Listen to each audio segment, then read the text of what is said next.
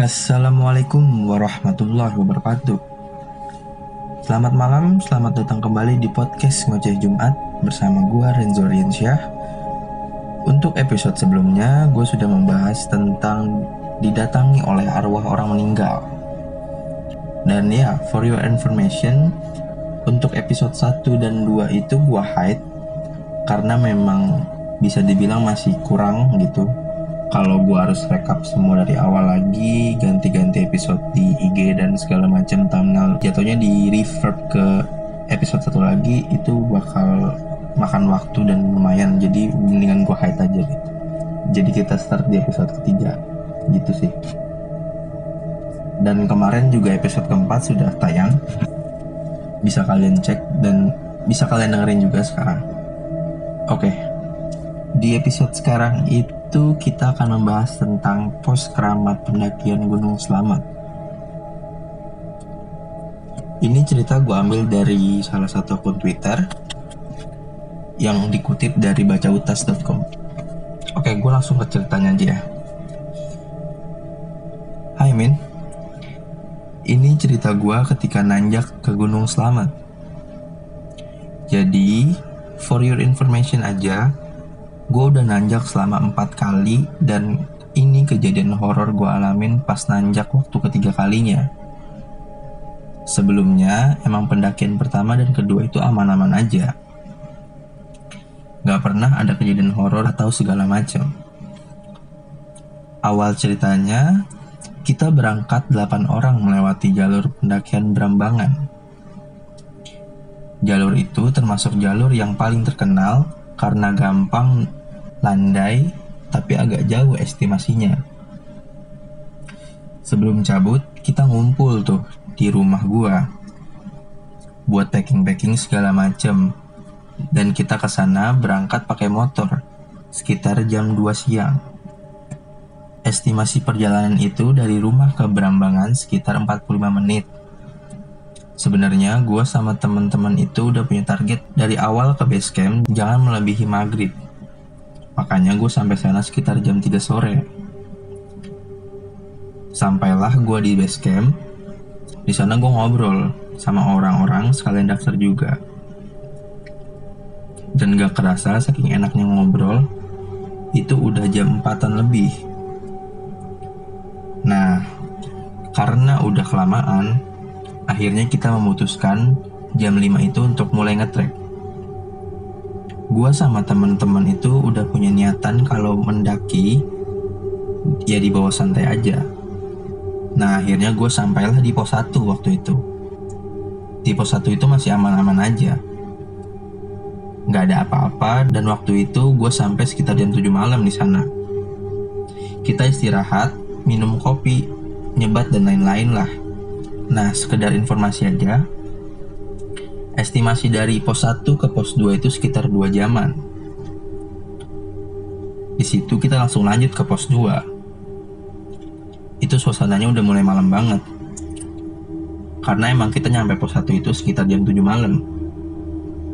Jadi bisa dibayangin ya sekitar jam 9 malaman baru sampai pos 2. Jadi kalau udah di pos 2 kita seneng karena jarak dari pos 2 ke pos 3 dan seterusnya itu pendek-pendek jaraknya. Nah waktu itu gue sampai di pos 3. Di situ kita ketemu persimpangan jalan di jalur lain. Pendakian kali ini tuh sepi banget. Bener-bener sepi suasananya. Karena emang gue ambil bulan-bulan pertengahan itu pun kalau ketemu orang turun bisa dihitung pakai jari. Waktu mau ke pos 4 kita itu parno banget. Asal kalian tahu, pos 4 itu namanya pos Samarantu. Nah mitos tentang pos 4 itu banyak banget. Dan gak ada pendaki yang berani ngecamp di pos itu. Mungkin menurut gua itu pos yang paling serem. Karena emang auranya beda dari pos yang lain. Jadi ini awal cerita horornya dimulai. Gak tahu kenapa waktu itu mau ke pos 4 auranya emang bener-bener beda. Gue di situ ngerasa takut banget dari pendakian-pendakian sebelumnya. Mungkin kan emang gue parno juga pada saat itu. Jadi waktu sampai pos 4, sama sekali nggak ada pendaki yang turun.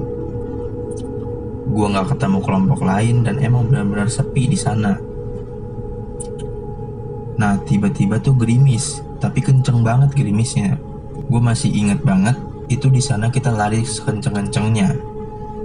Dan karena kita lari, ternyata kesesat di situ. Kelompok gue udah beda jalur dari jalur yang biasanya. Karena yang kita pikirin waktu itu, langit terang gak mendung sama sekali, tapi gerimis kenceng. Dan itu aneh banget ngebuat kita parno satu tim. Kita benar-benar fokus buat lari, dan untungnya hampir sampai ke pos 5 gue di situ masih lari dan gak mau berhenti sampai ketemu pos 5 dan sampailah di pos 5 kita benar-benar keingetan karena capek lari-larian. Di sana gue nemuin gubuk kecil. Nah di situ tuh kita bingung mau ngecamp di pos 5 atau di pos 7 karena emang udah terlalu malam juga di situ waktu kita bingung tiba-tiba kita ketemu satu kelompok di sana kita tanya sama kelompok itu Mas, Tadi hujan nggak? Enggak kok mas, nggak hujan. Kita semua heran di situ. Dan gak lama kita ketemu kelompok lain juga di sana yang baru naik waktu itu. Mas tadi di pos 4 itu hujan nggak? Becek nggak? Kayak ada bekas air hujan nggak? Si masnya jawab di situ, nggak ada kok mas, kering-kering aja. Dan setelah itu kelompok gue di sana tuh makin takut dan bingung. Kenapa bisa begitu? Tapi untungnya kita udah sampai pos 5 pada saat itu. Di pos 5 kita tenangin diri dan waktu itu kita ngopi-ngopi santai. Tiba-tiba salah satu teman kita itu laganya aneh. Dia jalan ke arah mau turun sendirian gitu. Gue teriakin tuh di situ Woi mau ke mana? Di situ dia nggak jawab apa-apa. Akhirnya kita samperin, terus gue tarik tangannya. Dan anehnya tiba-tiba dia berontak dan tetap mau ke bawah. Wah di situ gue langsung kejar dia, kita langsung tangkap dan tiba-tiba dia langsung pingsan gitu aja. Di situ kita sebenarnya udah tahu kalau dia itu kesurupan. Untuk informasi aja, dia itu anaknya belum pernah kesurupan kayak gini selama hidupnya. Nah, akhirnya kita bawa anak itu ke atas buat kita kasih minyak kayu putih di sana. Kita tenangin anak itu, nah waktu kita tenangin, tiba-tiba dia berontak lagi, teriak-teriak gitu. Untungnya di antara kita ada yang bisa nenangin anak-anak kayak gitu waktu itu. Waktu mau ditenangin, dia makin bandel gak mau keluar. Kata setannya, di antara kita ada yang gak sopan. Dan anak yang paling gak sopan itu adalah anak yang kesurupan itu. Yang gue benar-benar masih ingat, waktu dia berontak, di situ gue bagian megangin kepala dia. Aduh merinding anjir. Tiba-tiba dia ngomongin sesuatu ke gue, tapi gak jelas gitu. Gue tetap ngamatin dia ngomong apa, tiba-tiba dia teriak suara cewek. Dan itu benar-benar serem banget waktu itu. Akhirnya kita negosiasi lah sama setan itu. Kita tanya mau keluar apa enggak. Terus si setan itu ngomong kalau di alam itu harus sopan. Nggak boleh kurang ajar. Harus jaga sikap dan setelah itu kita ngeiyain akhirnya dia mau keluar dan waktu si setannya keluar, si anak ini tuh langsung diem dan kita nggak nyalahin dia. Akhirnya kita bercandain dia biar tenang pada saat itu. Waktu kita udah tenang semua, kita mutusin buat istirahat sebentar. Dan setelah itu kita mulai lanjut lagi menuju puncak sekitar jam 2 dini hari. Di situ kita mulai berdoa biar nggak ada kejadian aneh-aneh lagi. Dan alhamdulillahnya kita sampai ke atas itu sekitar jam 6 pagi.